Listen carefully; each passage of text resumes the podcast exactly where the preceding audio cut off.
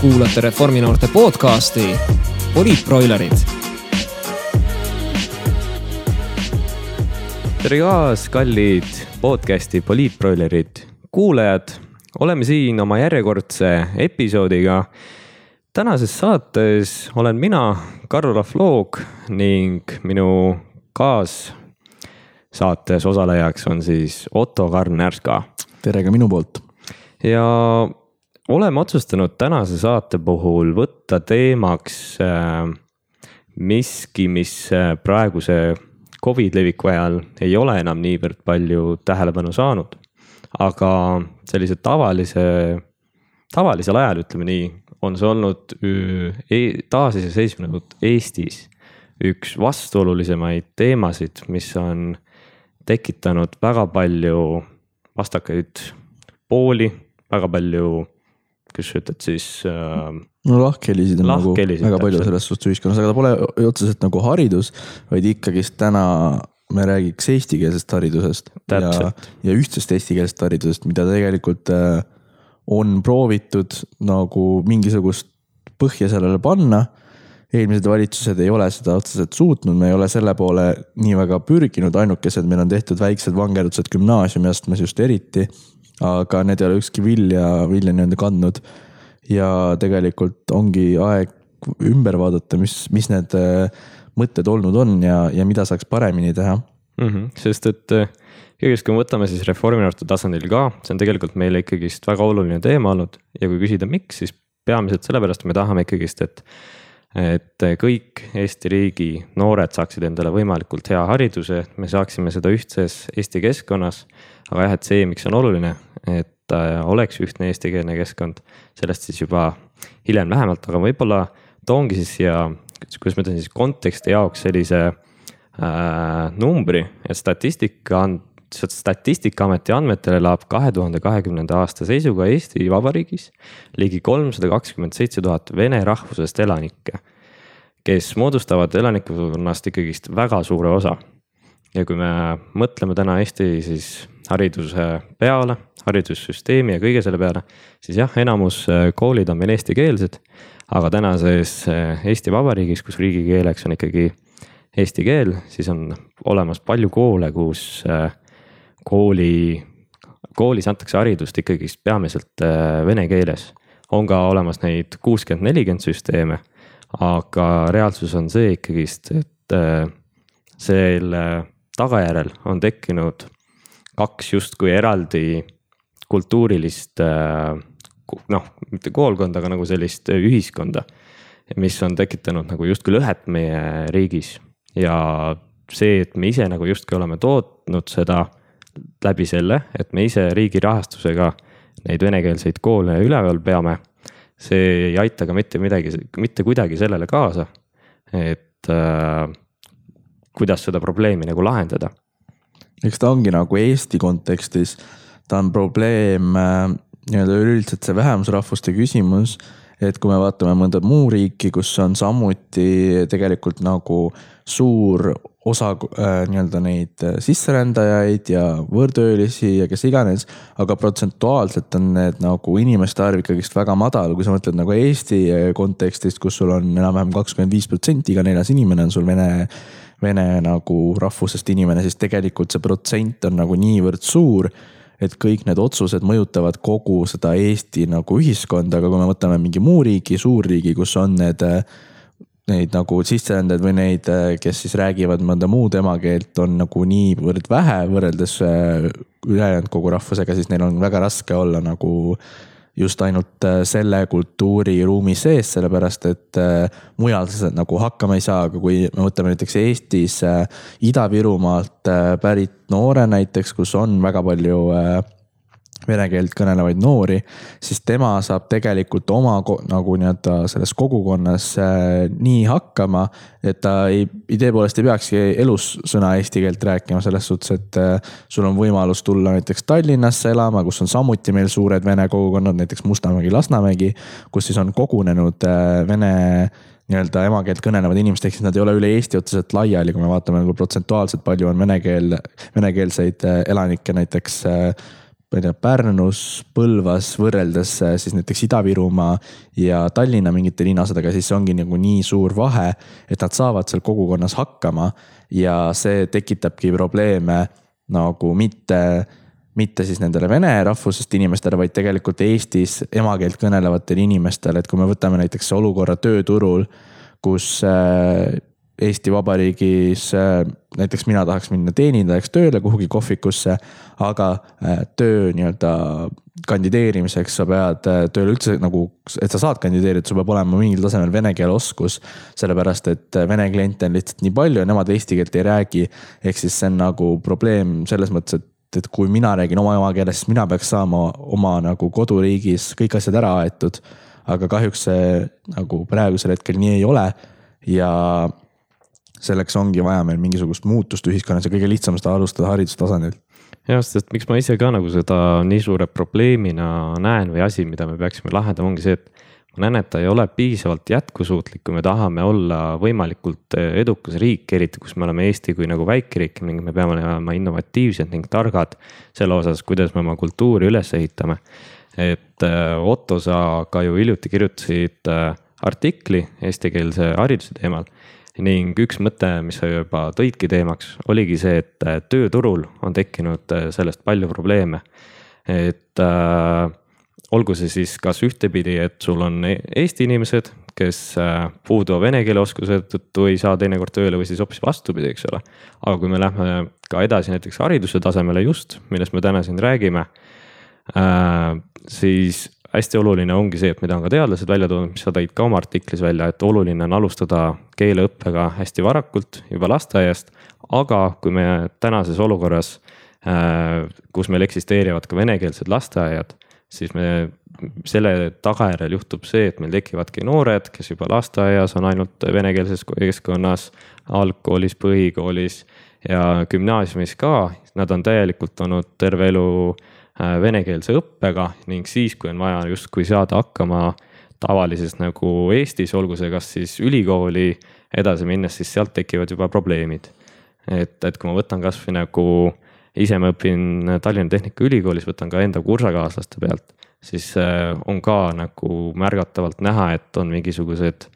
äh, on isikuid, kes on vene emakeelega. Nad saavad küll eesti keeles nagu hakkama, aga seda on märgatavalt näha, kuidas ikkagist nende õppepotentsiaali mõjutab see, et nende eesti keel ei ole nagu niivõrd hea, kui see tegelikult võiks olla nende mm. -hmm nad ei saa võib-olla teatud, nad ei omanda neid teadmisi võib-olla piisavalt hästi, nende hinded on võib-olla selle tõttu kehvemad. ja see võib tekitada ka nagu noh, see juba paneb nad kehvemasse olukorda nagu kogu ülejäänud eluks, kui nad ei saa seda eesti keelt niivõrd nagu selgeks. et äh, tegelikult see üldine nagu probleem, sa tõid selle hästi välja, et, et nagu need noored just, kes nagu üles kasvavad, nemad kasvavadki sellest venekeelses nii-öelda keskkonnas üles, neil ei ole otsest nagu keelevajadust. Äh, nagu Eesti, noh, neil ei ole vajadust eesti keelt õppida ja ta on ka nagu tegelikult, kui sa tood siit paralleele üleüldiselt nagu pagulaspoliitikaga ja kuidas on äh, erinevad riigid võtnud äh, vastu nii sõjapõgenikke kui mis iganes põhjustel koduriigist lahkunud inimesi. siis nagu halb näide on tuua näiteks Rootsi, kes siis paigutas suure sisserände ajal neid äh, nii-öelda sisserändajaid ühte suurde kogukonda, mis tähendaski suurte sihukeste äh, nii-öelda getode tekkimist, sellepärast et äh, riigi toetustel elati ja keelt ei õpitud, sest et ei olnud vaja, kõik sinu ümber olid su naabrid, olid su poemüüja oli, rääkis sinu nii-öelda emakeeles. ja tekkisidki need väiksed suletud nii-öelda kogukonnad, kus sul ei olnud vaja rootsi keelt ja nii ta on ka edasi läinud. ja Eesti kontekstis siis need nii-öelda venekeelsed linnaosad või venekeelsed linnad üleüldiselt, kui sul ei ole vaja seda nii-öelda eesti keelt, siis sul võib ka puududa selleks motivatsioon ja nagu seda muuta ühiskonnas ongi väga raske, et neid äh, nii-öelda kogukondi mitte nii-öelda laiali saata, vaid neid äh, üle nagu ühtsustada siis äh, üldise Eesti rahvaga. ja selleks kõige parem nii-öelda viis ongi tegelikult äh, vahetada generatsioonid välja. et kui me võtame nüüd, no raske on nüüd õpetada nagu eesti keelt väga motiveeritult nii-öelda nendele, kes on juba koolis, ma ei tea, gümnaasiumiõpilastele, need, kes on juba tööl, noored vene nagu vene rahvusest inimesed, neile nagu seda juba keeruline. aga kui me võtame nüüd täiesti uue generatsiooni äh, nii-öelda lapsi, kes lähevad lasteaeda ja kui meil on nii-öelda ühtsed eestikeelsed lasteaiad, kus siis on, ütleme, iga vene nii-öelda lapse kohta on, ma ei tea, kolm eesti last siis need lapsed tegelikult selles mängides ja koos kasvamises nagu õpivad seda eesti keelt lihtsalt nagu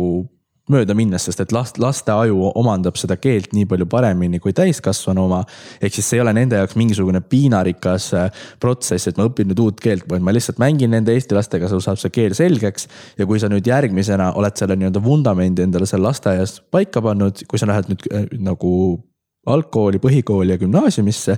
mis on samuti eestikeelsed, kus sul on eestikeelsed klassi, eesti keelt kõnelevad klassikaaslased, sul on eestikeelne õppekava, eestikeelsed õpetajad. siis sa õpid selle keele paratamatult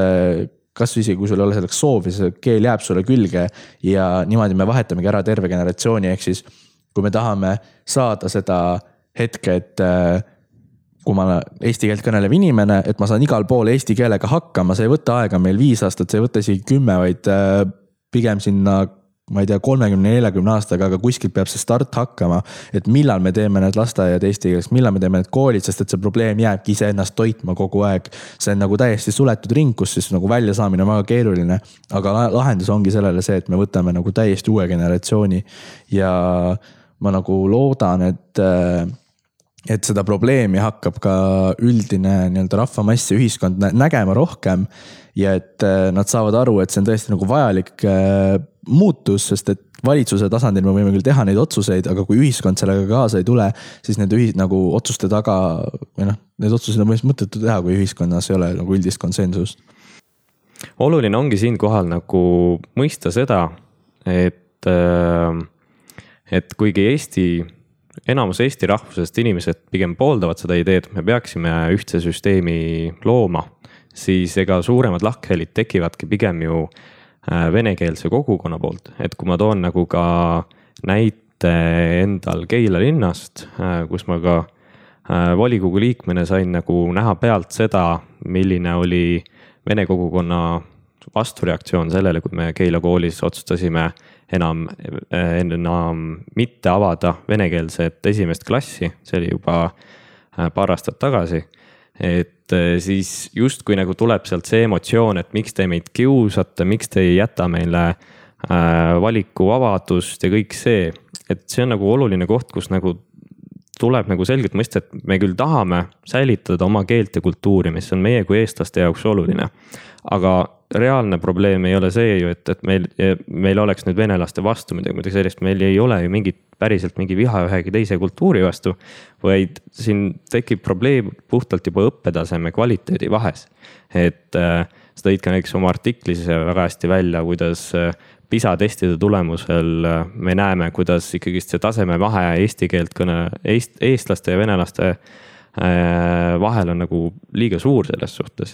Ja me tahame, et nagu, et võimalikult paljudel oleks nagu hea õppekvaliteet, et me ei suuda pakkuda nagu kakskeelses süsteemis nagu mõlemas keeles piisavalt head õppekvaliteeti, et see oleks oluliselt efektiivsem, kui meil on ükskeelne süsteem, me suudame kõigile seda samaväärset kvaliteeti pakkuda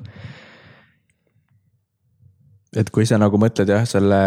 nii-öelda ka rahalise poole pealt, et meil on praegu nagu eraldi rahastus nii vene ja eestikeelsetele Äh, nii-öelda õppekavadele ja üleüldiselt koolidele, siis äh, paratamatult see vene, vene nii-öelda koolide rahastus on palju väiksem ja seetõttu ei saa ka toota nii-öelda, toota on võib-olla siin vale siin nagu kontekstis öelda, aga nii-öelda anda siis seda kvaliteetset haridust, mida me saame eestikeelselt suurema nii-öelda rahastusega. et kui panna siis need kaks nii-öelda Äh, rahastusvoogu nagu üheks kokku, siis me saamegi anda ühtsemalt nagu kvaliteetsemat haridust, et PISA testi tulemustega nagu vaadates siis äh, venekeelsed äh, koolide õpilased on taseme poolest väga maha jäänud, kui me vaatame ka üldist nii-öelda gümnaasiumite iga aasta tehakse peale lõpueksamit, tehakse ka gümnaasiumite nagu pingerida äh, vastavalt siis äh, keskmisele punktiarvudele riigieksami tulemustes. siis vene koolid on märgatavalt äh, ikkagist allpool, et esimesed nii-öelda vene koolid ma ei tea, kas sinna top kümnesse üldse mahuvad või võib-olla isegi ei mahu, et aga ikkagist see nagu vahe on nii suur ja ka tegelikult, äh, mis ma olen kuulnud inimestelt, kes on läinud õppima näiteks Tartu Ülikooli arsti. et tulevad nii-öelda esmakursuslased väga palju näiteks vene nii-öelda koolidest õpilasi, kes siis kukuvad sealt nii-öelda arstiteaduskonnast väga kiiresti välja, sellepärast et, et kui nemad olid nagu oma koolis siis viielised ja tegid kõik väga hästi, võib-olla riigieksamid nii hästi ei läinud, aga nad said kuldmedali, siis nad said ka nagu ülikooli sisse. aga lõppude lõpuks see,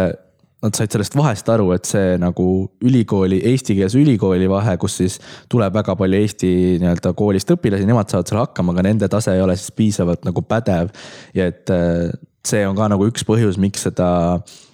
tuleks muuta seda, et meil on eraldi need äh, kaks kooli täpselt, sest et ju reaalselt me räägime ju kodanike elukvaliteedist, eks ole, et, et see, kui ta ei ole saanud selles äh, riigikeelses koolis seda haridust äh, oma terve oma lapsepõlv. ta on saanud seda näiteks venekeelses äh, kogukonnas, venekeelses koolis, eks ole äh, elades, siis äh, see juba, nagu ma ennem ka ütlesin, see mõjutab teda terve elu, aga üks asi, millest ma tegelikult, ma tõin ennem välja selle vabaduse piiramise aspekti, see on tõesti tegelikult argument, mida ma ei ole kunagi nagu mõistnud, et miks, miks seda nii tugevalt nagu kasutatakse, välja tuuakse, sest reaalsus on ju see, et äh, kui me muutuksime a la üht, ühtsele eestikeelsele õppele, siis keegi ei keelaks ju teha äh, venekeelseid erakoole. me ei piira kellegi vabadusi, me räägime sellest, et Eestis, kus on riigikeeleks eesti keel, kas on okei okay korraldada õppesüsteemi, mis oleks siis eestikeelne ainult või et me äh, teeme seda kakskeelset, mis toodab siis äh, segregatsiooni nagu inimeste see ja nagu, kultuuride vahel. just see süsteem, et see erakoolide süsteem, seda on nagu väga laialdaselt levinud äh, mujal maailmas, kus ongi need vähemus nii-öelda rahvuslased mingites kogukondades, siis neil, neil keegi ei keela teha neid erakoole ja anda vastavalt siis nii-öelda riiklikule õppekavale seda haridust. aga Eesti ongi juba nagu algselt Äh, selle halvasti teinud, et see ei läinud selle era, nagu erakoolide süsteemile, vaid tehti riiklikult juba venekeelsed koolid, mis nagu otseselt ei aita kedagi, sellepärast et ka ma nagu, kui sa rääkisid sellest Keila nii-öelda lastevanemate sellest probleemist, et miks te mind kiusate, siis tegelikult mina näen selles just äh, nii-öelda positiivset äh, tagamaad, et number üks see, et et äh, kui su laps läheb, õpib äh, lasteaias, koolis teist keelt, siis ega ta kodus räägib ikkagist sinu emakeelt, see tähendab seda, et tal on juba kaks keelt, ilma et ta koolis hakkaks nagu eraldi nüüd mingit keelt õppima, vaid see eesti keel tuleb tal nii loomulikult, et ta isegi ei pea põhimõtteliselt noh, tundides olema, kui sa lasteaias saad juba kolm aastat näiteks keelt räägitud, see on juba piisav pagas, et sa, sul tuleb ka koolis see nagu keele õppimine lihtsalt väga kergelt suhtlustasandil juba lihtsalt sellega, et sa oled teiste noortega koos. et see on ju tegelikult suur pluss, et ma ise tagantjärgi, kui ma mõtleks, et kui ma oleks käinud vene lasteaias või vene koolis, ma ei tea, esimesed kolm-neli aastat, ma oleks väga õnnelik see, et mul on teine lisakeel puhtalt sellepärast, et ma olin seal keskkonnas, et see tegelikult ju aitab väga juurde. ja pluss, ja pluss see, et jah, see erakoolide süsteem, et me ju tegelikult ei keela kellelgi, kui sul on lapsevanemana, lapsevanemana väga nagu kindel arusaam, et minu nii-öelda võsuke peab saama just seda õppima numbreid vene keeles, peab äh, füüsika ülesandeid lahendama vene keeles, kõik see, siis me otseselt ju ei keela seda ära, vaid me võimaldame seda lihtsalt teisel kujul, erakooli kujul. et meil ei ole riiklikku rahastust seal taga, mis on nagu väga mõistlik, sellepärast et erakoolide süsteem ongi see, et sa võid teha kooli omanäoliseks niikaua, kuni ta nagu saab äh, siis Haridus- ja Teadusministeeriumilt selle loa õpetada just selle riikliku õppekava, noh, ei noh, et nad on viinud sinna nagu tasandile selle, et nad saavad ikkagi sama kvaliteetse hariduse. et ma tõesti ei saa aru nagu sellest tagakiusamise mõttest, minu, mina näen just venelaste poolt seda plusse. ja tegelikult see on ju igale ühiskonna nii-öelda liikmele pluss see, et meil ongi ühtsem see riik, meil on ühtsem nagu keele äh, süsteem, et et sa saad eesti keelega minna Narva või Sillamäele kohvikusse endale tellida prae ja samas ma nagu venelane siis saab tulla Tallinnasse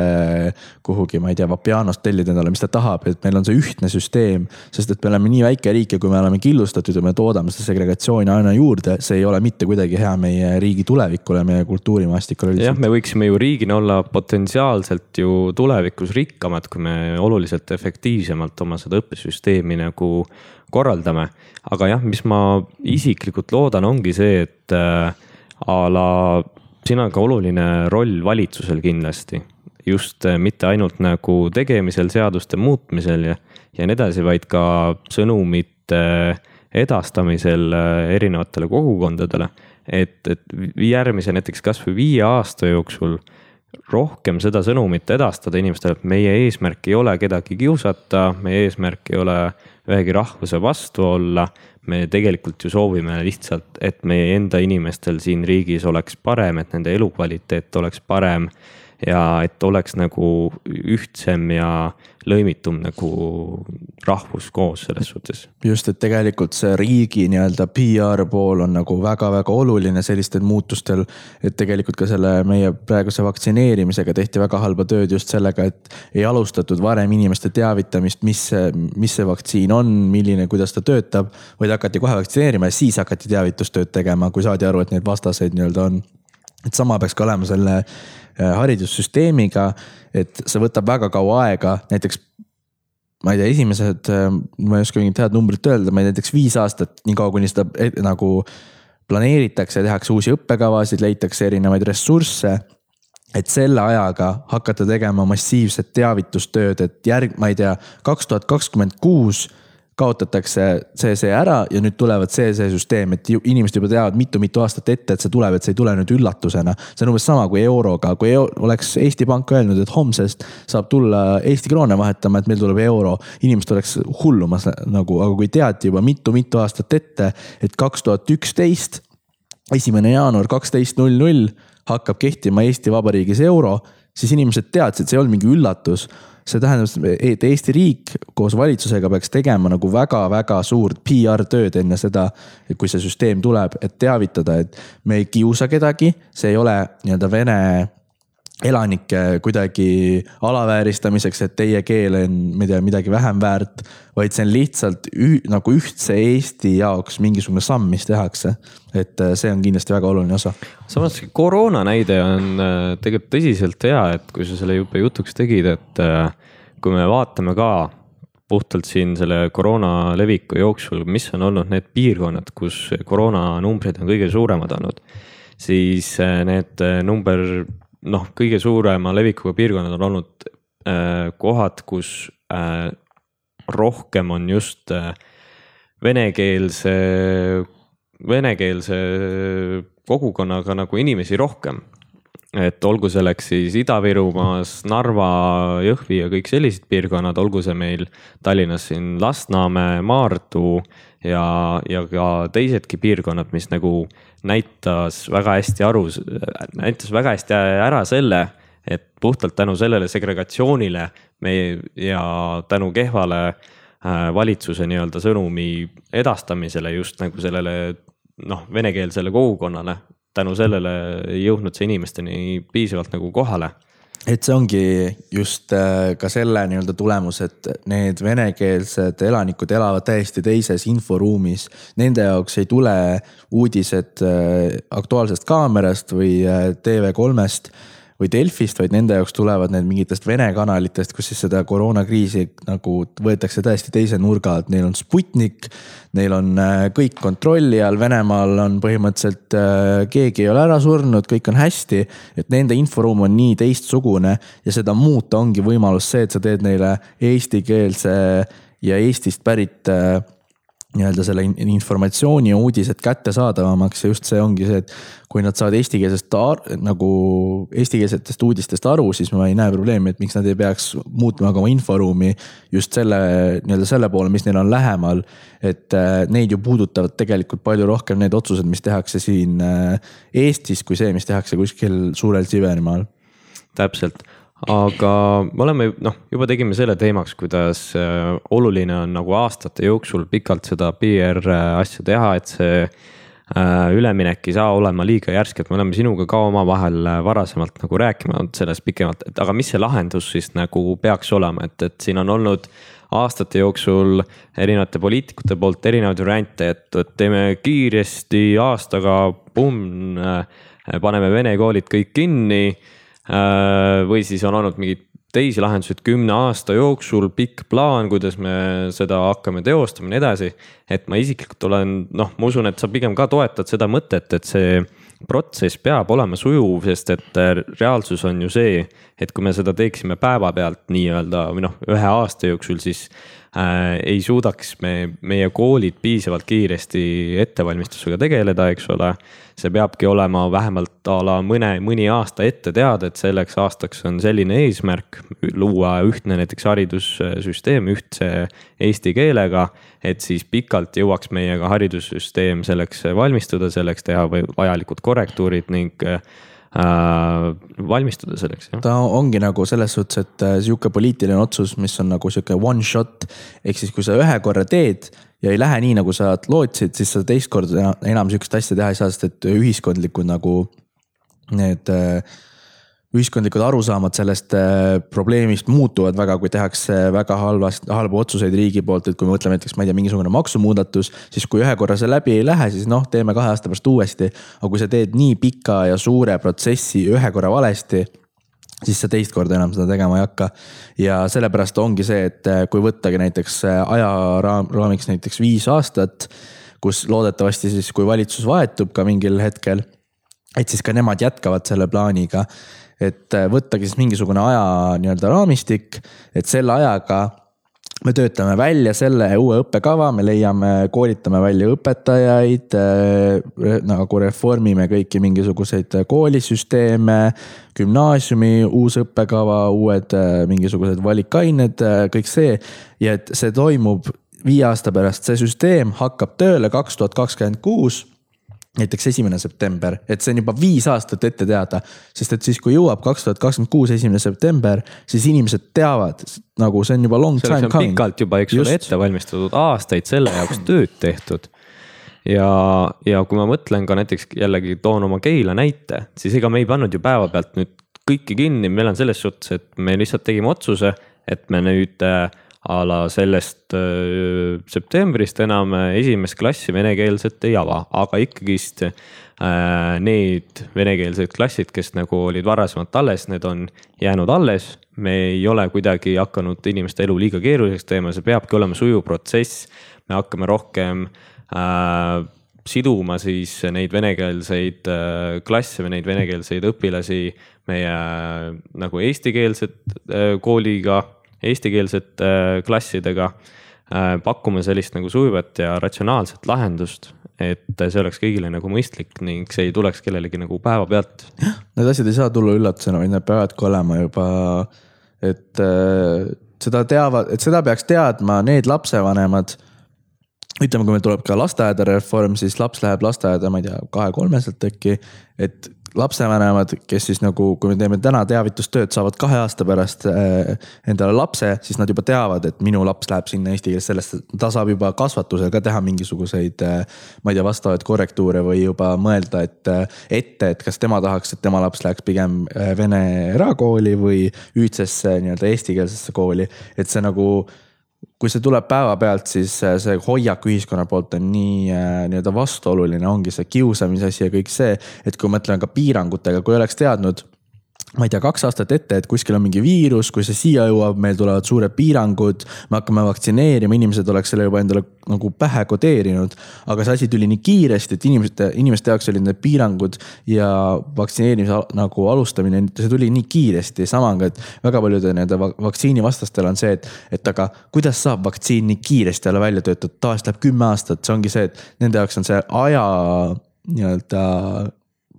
see pikkus, millal mingit asja tehakse, on väga oluline. et see peab olema testitud, see peab olema läbimõeldud ja sama on ka sihukese otsusega, et kui nende jaoks on nagu raske hoomata, et tänapäeva vaktsiinid on nii kiiresti tehtud, sellepärast meil on arenenud viimase vaktsiini tegemisest, ma ei tea, meditsiin ja infotehnoloogia, kõik see on arenenud äh, sadu, tuhandeid kordi. et see, see aja nagu raam läheb ka sada, sadu ja tuhandeid kordi kiiremaks et äh, nendel on see nagu natuke see vanamoeline mõtlemine, et asjad võtavad väga kaua aega ja selliste otsuste nagu vastuvõtmine peaks ka väga kaua aega võtma, et sihukest asja ei saa teha nagu üleöö ja. no tõenäoliselt, kui me täna seda peaksime üleöö tegema, siis me näeksime sarnaseid äh, proteste, nagu meil oli nüüd äh, Covid piirangute vastu, mis siin kõik see, mis toimus ju Laagnadel, Tallinnas, Tartus, Pärnus, igal pool, eks mm -hmm. ole, et me ei saa seda teha niimoodi, et me tekitame viha juurde, see peabki olema sujuv protsess et inimesed päriselt saaksid aru, mis eesmärgil me seda teeme. me tegelikult tahame anda inimestele vabadust juurde, me tahame anda inimestele elukvaliteeti juurde. me soovime, et meie riik töötaks efektiivsemalt. ja selle pika aja nagu ajavahemikul, kui seda üleminekut kavandatakse, siis ka tegelikult, kui nagu saavad ka ju kaasa rääkida kõik äh, Eesti kodanikud, kõik äh, vene keelt kõnelevad inimesed, et mis on nende nägemus sellest ja mis nad äh, loodavad, et selle protsessiga juhtub. kuidas see üleminek toimib, et nad saavad, nad tunnevad, et nad on kaasa rääkinud selle protsessi nii-öelda tegemisele ja nende otsuste tegemisele, et nad ei tunne, et keegi kuskil tagatoas otsustas mingi asja ära ja nüüd me peame sellega leppima üleöö. et sinna peab kaasama igast äh, Eesti otsast äh, igasuguse taustaga inimesi, et äh, see nagu otsus täide viia, aga lihtsalt ma ei nagu oma peas ei leia küll ühtegi halba mõju sellele otsusele. ja eks ta muidugi on poliitiliselt väga keeruline otsus teha mingisugusel erakonnal ja valitsusel, sellepärast et eh, nagu me rääkisime, kakskümmend viis protsenti Eesti elanikest, eh, kes räägivad vene keelt, nad on ikkagi suur valijaskond ja kui nemad siiski tunnevad, et see on väga ülekohtune, siis on see nii-öelda valijate kaotamine ka väga suur. aga lihtsalt äh, selleks peab olema julgust, selleks peab olema tahet ja sellega tuleb lihtsalt peale hakata, see otsus on juba liiga kaua olnud äh, kuskitel sahtli, kuskil sahtlinurgas. ja ma arvan, et praegune uus valitsus, no enam ta nii uus muidugi ei ole, et nemad äh, oma koalitsioonileppes selle nii-öelda pinnase tegemiseks või see, et selle, sinnapoole hakatakse liikuma, on väga suur samm juba tegelikult aga nüüd on äh, sellest sammust vaja ka teha järgmine samm, et see asi päriselt tööle hakkaks. et ta ei jääks lihtsalt koalitsioonileppesse kuskile alla nurka kirja, et selleks peab hakkama päris äh, jõulisi samme tegema ja seda tuleks hakata tegema täna. aga kui me hakkamegi nüüd vaikselt äh, ka oma episoodiga lõpetama, et sa juba tõidki selle mõtte, et ega poliitika ongi keeruline, teatud otsuste vastuvõtmine on keeruline, sest et ikkagist rahvas on see, kes meid valib ning vastavalt sellele mida rahvas soovib, nagu ikkagist erakonnad oma mängu mängivad, et kui optimistlik sa ikkagist täna oled selle osas, et millal me jõuame oma ühtse eestikeelse hariduseni? no kõik oleneb sellest, et äh, milline valitsus ja millal sellega peale hakkab, kui praegune valitsus ikkagist otsustab, et see, millega minnakse edasi. Äh, Keskerakond näeb ka ikkagist seal potentsiaali, sest et nemad on siiski väga vene, nagu nii-öelda vene valijaskonna erakond. ja kui nad näevad, et äh, nüüd on aeg pihta hakata, siis ma arvan kõige varasem punkt, kui minnakse üle, võibki olla sihuke viie aasta pärast, ma pigem eeldan, et see juhtub kümne aasta pärast. ja et me lõpuks näeks neid tulemusi, võtab ka aega näiteks kakskümmend viis aastat, et see ei ole see ei ole see ühe generatsiooni otseselt nagu protsess, et see ei ole see otsus, mis me teeme täna ära. ta homme on juba näha, no pensionireformi äh, seadus võeti äh, vastu. ja nüüd siis septembris võetakse raha välja et see ei ole selline nii-öelda otsus, mille tulemust sa näed juba aasta-kahe pärast võib-olla. et see esiteks see nagu ettevalmistusprotsess võtab näiteks viis aastat. siis see, et see süsteem üldse paika loksuks, võtab järgmised viis aastat. see, et me tulemusi hakkaks nägema, võtab veel näiteks äh, kümme aastat. et see generatsioon lõpuks välja vahetuks ja et meil tekiks see uus vene keelt kõnelevate noorte, nii-öelda emakeelena vene keelt kõnelevate noorte protsent siis meie ühiskonnas, kes siis saavad eesti keelest nagu väga hästi suhtlustasandil ja õppimistasandil aru, et nad saavad hakkama igas Eesti otsas nii siis vene keelega kui ka eesti keelega igal pool jah, et seda valitsust ongi meil jäänud nüüd äh, ütleme pea siis kaks aastat, eks mm -hmm. ole, kaks tuhat kakskümmend kolm järgmised riigikogu valimised. kui ma ise mõtlen ka, siis noh, ma selle valitsuse osas, kuigi ka koalitsioonileppes ümmarguselt sõnastati midagi selle mhm. osas mm, -hmm. siis ja ma loodan isiklikult, et ikkagist mingisugune alustala suudetakse panna sellele juba. aga tõenäoliselt see suurem protsess ei saa toimuma enne aastat kaks tuhat kakskümmend kolm ja seal enne seda moodustatavat valitsust eks see peabki olema nagu sihuke otsus, millega on ka kõik praegused näiteks äh, riigikogu erakonnad nagu rahul, sellepärast et äh, nagu me teame, valitsused vahetuvad, ükski valitsus ja ükski riik ei kesta igavesti. et need peavad olema siis otsused, mida võtab ka järgmine valitsus üle, et see asi ei jääks äh, eelmise valitsuse nii-öelda portfelli. et nemad tegid, nemad mõtlesid natuke, meie seda enam edasi, edasi ei kanna ja edasi ei võta. et see peab olema ikkagist nagu, kuna ta ongi nii pikk protsess, sinna tuleb mitu valitsust kaasata, kes siis kõik peavad olema ühel nõul, et see on vajalik protsess, eks igaüks nagu vormib seda natuke oma nägu aga see peab olema ikkagist nagu sihuke, mis ühiskonnas kõik aktsepteerivad ja kõik valitsuse, järgmised tulevased valitsused ka aktsepteerivad. täpselt, et kolmkümmend aastat taasiseseisvunud Eestit, et eh, loodame, loodame, et tulevik on helge ning me hakkame jõudma lähiaastatel juba ühtsema eestikeelse hariduse poole. Luues sellega parema elukeskkonna kõigile meie kodanikele ja parema õppekvaliteedi kõikidele meie noortele. täpselt nii. aga aitäh kuulamast, siin olid mina, Karl ja. minu Otto. nimi oli Otto. täpselt. aitäh ka minu poolt. et oli väga põnev vestlus ning äh, ja mis ma ikka ütlen, kuulake ka meie järgmiseid episoode jälgige meid sotsiaalmeedias, jälgige ka meie Youtube'i kanalit, kus me oleme hakanud uut sisu looma. ning äh, jälle nägudeni taas kuulmiseni